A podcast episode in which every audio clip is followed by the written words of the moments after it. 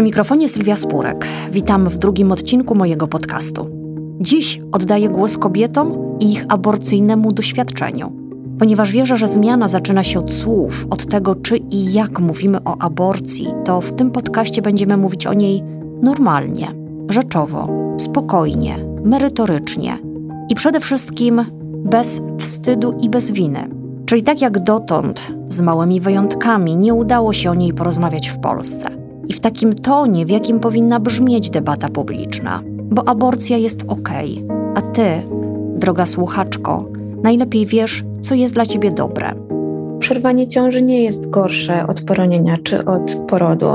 To są po prostu trzy rzeczy, które się mogą wydarzyć e, w życiu, i my mamy prawo w tych e, trzech rzeczach mieć wsparcie, mieć zrozumienie i przeżyć je tak, jak e, chciałybyśmy je przeżyć, po swojemu, w spokoju, z kimś bliskim albo właśnie z kimś po drugiej stronie telefonu, kto nam powie, że jesteśmy dzielne i na pewno sobie damy z tym radę.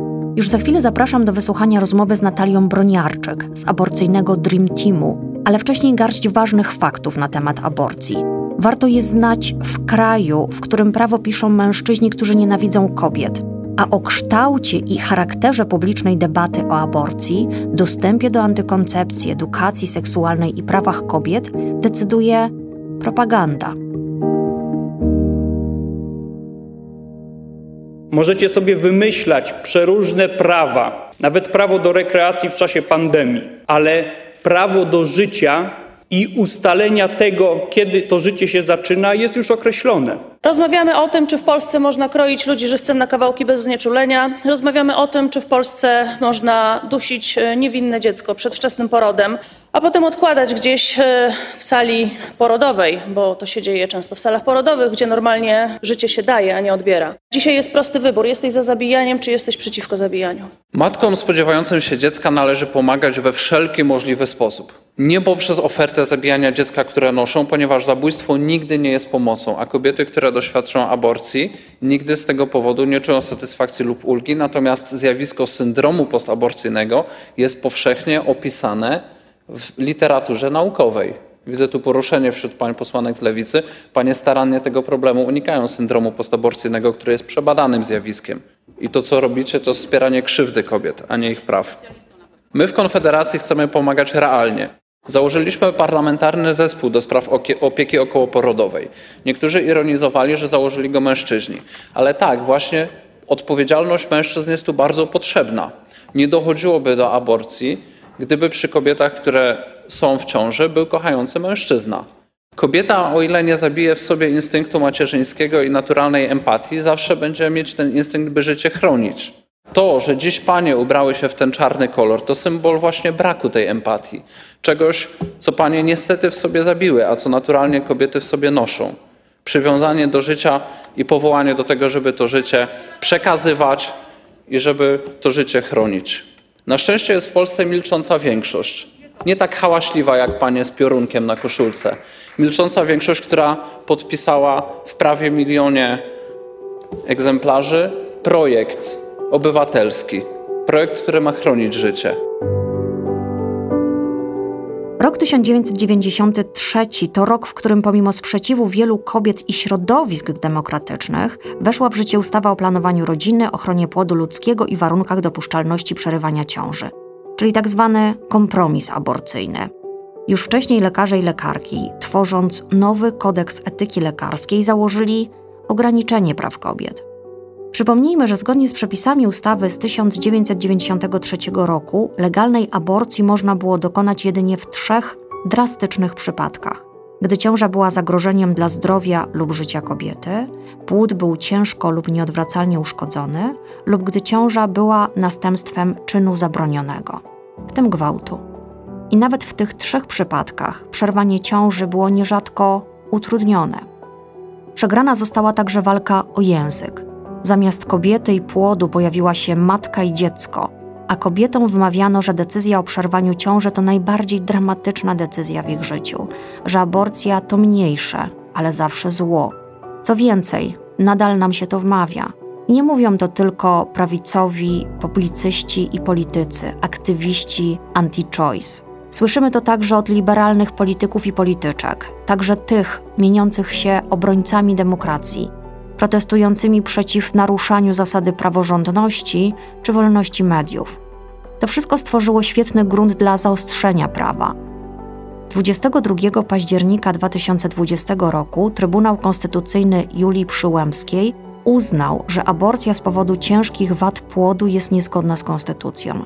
Chociaż wyrok wyprowadził na ulice polskich miast, miasteczek i wsi setki tysięcy wściekłych kobiet i wspierających je mężczyzn, wywołując chyba największe po 1989 roku społeczne protesty, to już następnego dnia, czyli jeszcze przed wejściem w życie wyroku, szpitale zaczęły odwoływać pacjentkom zabiegi.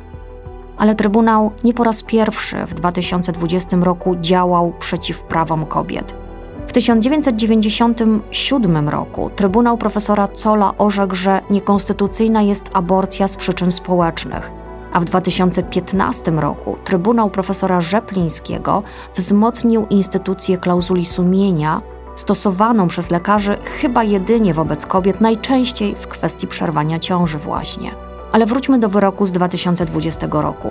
Czy to oznacza, że aborcje w Polsce po wyroku się skończyły? Zdecydowanie nie mówi moja gościni Natalia Broniarczyk, aktywistka aborcyjna, która od czasu wyroku odebrała już tysiące telefonów z prośbą o pomoc w przerwaniu ciąży. Bardzo szybko poczułyśmy też e, moc tego prawa, zanim ono weszło jeszcze w życie, a przypomnę, że trzy miesiące zajęło opublikowanie tego wyroku. My już następnego dnia po orzeczeniu odebrałyśmy pięć telefonów od kobiet, których zabiegi były odwołane, tylko dlatego, że to orzeczenie się pojawiło. To był taki trochę zimny prysznic, natomiast tych aborcji nie jest ani mniej, ani więcej. One się po prostu odbywają gdzie indziej. Odbywają się w Holandii, odbywają się w Anglii, w Hiszpanii, w Belgii, odbywają się za pieniądze e, darczyńców, za pieniądze osób, które chcą wspierać dostęp do aborcji. No i bardzo często odbywają się w atmosferze wstydu, dlatego że dla takich osób, które muszą wyjechać za granicę, żeby przerwać zaawansowaną ciążę w drugim trymestrze, to jest bardzo często też e, taka konieczność konfrontacji z rodziną, powiedzenia rodzinie, że ta ciąża się nie rozwija prawidłowo, że się podjęło decyzję, no jakieś zetknięcie często z żałobą, dlatego że bardzo często są to chciane ciąże. E, a my i tak najwięcej pomagamy osobom, które po prostu nie chcą być w ciąży, bo te przypadki, które dotkną wyrok Trybunału, to jest raptem 1% wszystkich aborcji. Od wyroku Trybunału od 22 października do 22 października 2021 pomogłyśmy w sumie 34 tysiącom osób w aborcji, z czego tylko 1080 to były osoby dotknięte wyrokiem. Reszta osób to były osoby, które i tak nie miałyby prawa do przerwania ciąży w Polsce wedle polskiej ustawy z 1993 roku. Jeszcze przed orzeczeniem Trybunału, zaostrzającym i tak już jedną z najbardziej restrykcyjnych ustaw antyaborcyjnych w Europie, wykonywano w Polsce około tysiąc aborcji rocznie. Ale to oficjalne, rządowe i nie mające wiele wspólnego z rzeczywistością statystyki, bo jak szacuje Federacja na Rzecz Kobiet i Planowania Rodziny, w błyskawicznie rozwijającym się po 93 roku podziemiu aborcyjnym zabiegów było znacznie więcej, nawet między 80 a 200 tysięcy rocznie. Skąd takie liczby? Bazują one na danych historycznych i na statystykach krajów o podobnej demografii oraz badaniach Cebosu z 2013 roku, z których wynika, że nawet jedna czwarta Polek miała w życiu przynajmniej jedną aborcję. Jak podkreśla Broniarczyk, liczba aborcji jest stała, a statystyki na całym świecie zbliżone, chociaż w Polsce, w przeciwieństwie do Zachodu, nie robimy badań na ten temat. Wolimy udawać, że aborcji nie ma. W odwracaniu wzroku mistrzami były wszystkie kolejne rządy od lewa do prawa. Na zasadzie kopiuj w klej od 1993 roku pisano corocznie sprawozdanie z realizacji ustawy antyaborcyjnej. Zamiast rzetelnie przedstawiać, jak ustawa jest stosowana, jakie są jej skutki, przepisywano brzmienia przepisów, mniej lub bardziej z aborcją związanych. Nie gwarantowano kobietom realizacji przepisów i możliwości przerwania ciąży w tych trzech przypadkach. Nie rozmawiano o aborcji. Nawet tak restrykcyjna ustawa nie była stosowana i nikogo to nie obchodziło. Kobiety jakoś sobie radziły, bo musiały. Nie sądzę, żeby ta liczba miała szansę zmaleć czy z jakiegoś powodu urosła. Prawo tutaj tak naprawdę nie jest od tego, żeby wpływać na liczbę zabiegów, raczej działa jako straszak, raczej działa jako coś, co ma nas zawstydzać, powodować, e, że ta decyzja będzie trudniejsza, no albo mogłoby ją ułatwiać, ale w polskim kontekście niestety to nie jest ta historia. Państwo od lat woli w tej sprawie milczeć i od lat 90. aż do teraz unika rzetelnej debaty na ten temat. A przecież mowa o około 5 milionach kobiet, o tysiącach historii, często dramatycznych, pełnych bólu i cierpienia. Dlaczego tak się dzieje? Mechanizm zmowy milczenia już niemal dekadę temu opisywała Joanna Podgórska, która na łamach tygodnika Polityka przypomniała historię profesora Wasława Deca, dyrektora Instytutu Ginekologii i Położnictwa Łódzkiej Akademii Medycznej, który w telewizyjnych wiadomościach powiedział: Oficjalnie przerywanie ciąży nie istnieje, ale jeżeli przychodzi do nas kobieta, która ma już pięcioro dzieci, mąż jest alkoholikiem, a szóste dziecko w drodze, to usuwamy ciążę, pisząc w karcie choroby co innego. Po tych słowach rozpętała się burza. Profesorowi Decowi groził zakaz wykonywania zawodu, a gdy kilka lat później zginął w wypadku samochodowym, arcybiskup łódzki zakazał odprawiania mszy na jego pogrzebie i pochówku z udziałem księdza. Potem popełniła samobójstwo częstochowska lekarka, gdy wyszło na jaw, że prywatnie wykonuje zabiegi. To skutecznie zakneblowało lekarzy. Czytamy w polityce. Według Helsińskiej Fundacji Praw Człowieka niemal 40% polskich szpitali jeszcze długo przed wyrokiem Trybunału deklarowało brak możliwości przeprowadzenia aborcji ze względów embryopatologicznych, czyli na przykład wtedy, gdy płód miał nie dający niemal żadnej szansy na przeżycie zespół Edwardsa. Jako powód wskazywano najczęściej m.in. klauzulę sumienia, z której korzystają wszyscy lekarze w danej placówce czy na oddziale, oraz różne względy organizacyjno-proceduralne. Aborcji nie wykonywano w ogóle w województwie podkarpackim. Zapytałam Natalię Broniarczyk o to, jak z osobistej perspektywy ocenia zaangażowanie lekarzy w prawo kobiet do aborcji. Dlaczego tego wsparcia jest tak mało lub jest ono niewidoczne? Posłuchajmy, co odpowiedziała. To, co teraz powiem, może być nieprzyjemne dla środowiska medycznego, natomiast ja uważam, że y, mamy pełne prawo, żeby twierdzić, że w Polsce lekarze i lekarki niestety nie robią aborcji i też nie chcą się włączyć w debatę okołoaborcyjną, która mogłaby zmienić prawo, dlatego że też bardzo często stygmatyzują pacjentki, stygmatyzują sam zabieg aborcji. Potwierdza to chociaż badanie Fundacji STER z 2016 roku. Ginekolodzy, prawo do aborcji, sojusznicy czy przeciwnicy. Większość lekarzy i lekarek, którzy wzięli udział w tych badaniach, zdradzili postawy stygmatyzujące wobec zabiegu aborcji. I to nie jest, jest też jakieś typowe dla Polski. Większość w ogóle lekarzy i lekarek na całym świecie, to nie jest tak, że to jest jakiś ich ulubiony zabieg, tak? Ale są też lekarze i lekarki, którzy idą na ginekologię właśnie też po to, żeby robić aborcję, żeby pomagać kobietom w sytuacji niechcianej ciąży. I mówią o tym wprost, że decydując się na ginekologię, decydowałem się, decydowałam się również na to, że będę pomagać kobietom, będę nie wiem, robić wszystko, żeby im pomóc e, te decyzje zrealizować. My w Polsce się nie doczekałyśmy nigdy takiego głosu, natomiast bardzo często słyszymy lekarzy, lekarki mówiące o tym, jak jest im bardzo źle i jest im bardzo trudno. Niewątpliwie praca w, pod ustawą z 1993 roku dla ginekologów i ginekolożek nie jest łatwa, natomiast prawo to jedno, a praktyka to drugie. Prawo mówi, że rzeczywiście lekarze i lekarki, robiąc aborcję wbrew ustawie, popełniają przestępstwo, ale praktyka prawa pokazuje, że skazań praktycznie nie ma. Niestety, tak jak obserwujemy sędziów, sędzie, prokuratorki i prokuratorów demonstrujących w obronie zasady praworządności, tak nie widać masowych protestów lekarzy i lekarek w obronie prawa do wykonywania zawodu, prawa kobiet do zdrowia i prawa kobiet do świadczenia medycznego, jakim jest przerwanie ciąży bo przecież przerwanie ciąży to świadczenie medyczne. I żeby zmienić prawo, potrzebujemy jakiegoś rodzaju nieposłuszeństwa. Nie odważyłabym się wzywać lekarzy do masowego łamania prawa, ale y, myślę, że warto namawiać lekarzy i lekarki do tego, żeby chociaż krytykowali polskie prawo.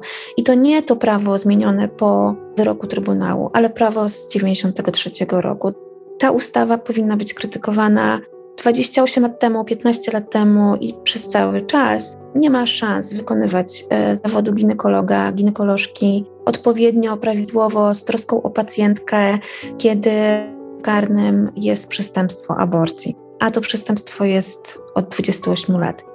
Więc tutaj bym apelowała do lekarzy o trochę większy, większe zaangażowanie, większą krytyczność też wobec, wobec ustawy z 93 roku, ale też o stawanie e, za sobą murem, bo jeden lekarz nie zmieni w Polsce prawa. Potrzebna, potrzebna jest cała grupa lekarzy, którzy będą wspólnie mówić, że potrzebna jest zmiana, że chcą wykonywać zawód ginekologa w zgodzie z najnowszą wiedzą medyczną, a najnowsza wiedza medyczna mówi, że aborcja jest zabiegiem medycznym, który powinien być szeroko dostępny, powinien być darmowy, powinien być wykonywany bez zbędnej zwłoki. To jest chociażby definicja bezpiecznej aborcji Światowej Organizacji Zdrowia, która y, w polskiej medycynie odgrywa ważną rolę. Jest y, ważnym wyznacznikiem. W aborcji również powinna być wyznacznikiem i lekarze, lekarki mogliby się podpierać rekomendacjami Światowej Organizacji Zdrowia w walce o aborcję. Tych narzędzi jest mnóstwo, tylko potrzebna jest też odwaga, ale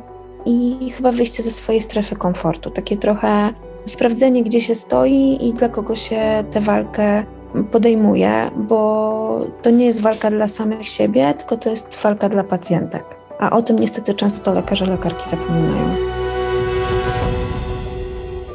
W tej trudnej dla Polek sytuacji cała nadzieja w NGOsach, bo gdy państwo i publiczna służba zdrowia zawodzą, ich obowiązki przejmują aktywistki tworzące nieformalną i dotąd niezawodną sieć wsparcia kobiet w bezpiecznym przerwaniu ciąży. Oprócz Federy, zapewniającej bezpłatną pomoc prawną i interweniującej w przypadkach naruszenia praw pacjentek, jest to dziś także aborcja bez granic, pomagająca Polkom w dostępie do aborcji farmakologicznej. Można napisać do aborcyjnego Dream Teamu albo kobiet w sieci. Tam możemy znaleźć pomoc, Nikt nie zapyta nas o powód, uszanuje podjętą decyzję, ale jak mówi mi Natalia, kobiety, choć wcale nie muszą, wciąż próbują wytłumaczyć się, dlaczego chcą przerwać ciążę. Jest takie przekonanie, i myślę, że to jest ogromna zasługa e, organizacji antyaborcyjnych, że e, decyzja o, o, aborcji to jest taka decyzja, która mówi więcej o nas samych, że jeżeli decydujemy się na aborcję, no to nie kochamy dzieci, nie lubimy dzieci, nigdy nie chciałyśmy mieć dzieci, jesteśmy, nie wiem, niewierzące, głosujemy na jakąś partię, a aborcja łączy osoby o bardzo różnym doświadczeniu, o bardzo różnych potrzebach, o bardzo różnych cechach. Czasem te osoby nic nie łączy poza samym faktem e, aborcji. Lęk, że decyzja o przerwaniu ciąży powie coś więcej, zasugeruje, że jesteśmy jakimiś osobami, ciągle bardzo głęboko tkwi e, w wielu osobach i rzeczywiście tych tłumaczeń często musimy wysłuchać, nigdy ich nie stopujemy. E, wystarczy powiedzieć, że e, nie potrzebujemy usłyszeć e, tej historii, żeby pomóc ci w aborcji. Natomiast jeżeli chcesz się wygadać, to jesteśmy. Ale nie pamiętaj, że nie musisz zasłużyć. To wsparcie dostaniesz, niezależnie od tego, co nam teraz opowiesz.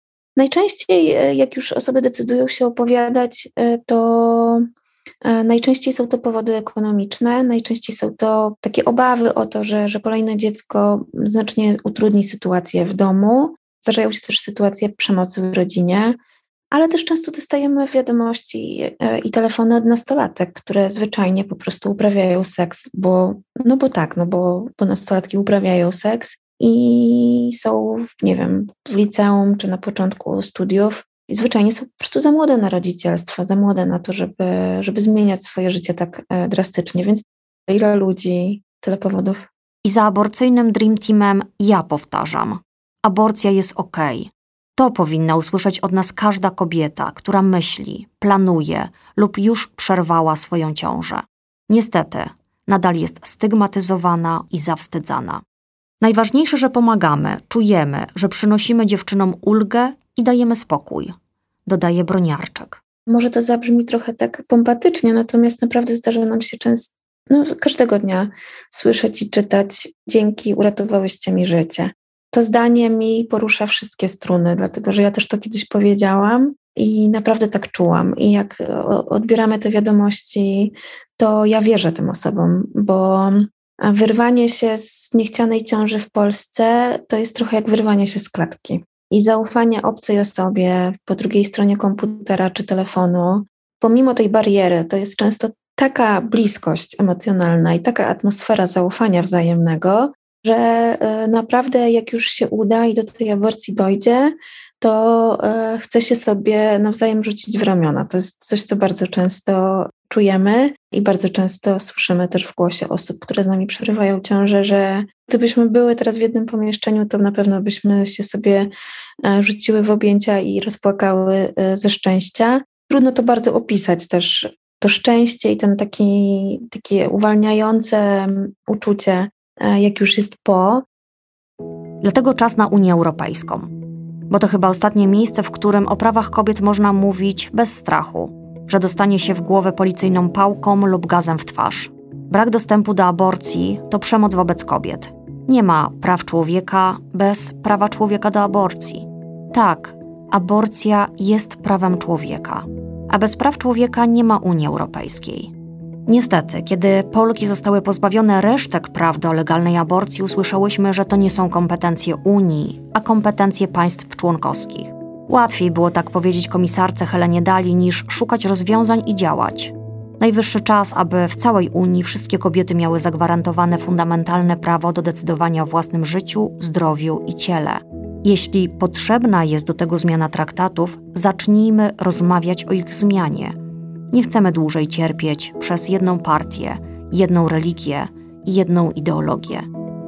Mam marzenie, że pewnego dnia kobiety w Polsce będą miały takie same prawa jak Niemki, Francuski, Litwinki, Czeszki i wszystkie inne kobiety naszej wspólnoty. Polki żyją w strachu. W strachu, że zostaną zmuszone do urodzenia niezdolnego do przeżycia płodu. W strachu, że opresyjne państwo wpisze je do rejestru ciąż, a następnie będzie ścigać karnie za poronienie. Strachu, że przedstawiciel władzy przystąpi do ich sprawy rozwodowej, żeby bronić świętej instytucji rodziny. To słuszne obawy, oparte na kolejnych działaniach i pomysłach władzy, która nienawidzi kobiet, osób LGBTIQ, uchodźców i uchodźczyń i po kolei narusza ich prawa. Nie wiemy, kto i kiedy będzie następny. Często słyszę pytanie, jak do tego doszło? Odpowiedź jest prosta: przez bezczynność, przez kompromisy, przez odkładanie spraw, praw człowieka na później. Ale te pomysły nie są nowe. Czy poprzednie polskie rządy zrobiły rachunek sumienia? Czy rachunek sumienia zrobiła Komisja Europejska, komisja, która powinna stać na straży traktatów, bronić praworządności i praw człowieka? Panie komisarzu, kiedy konkretnie komisja w końcu zacznie stosować rozporządzenie w sprawie warunkowości? Kiedy konkretnie skorzysta z innych dostępnych uprawnień, aby zapobiec kolejnym naruszeniom dokonywanym przez polski rząd?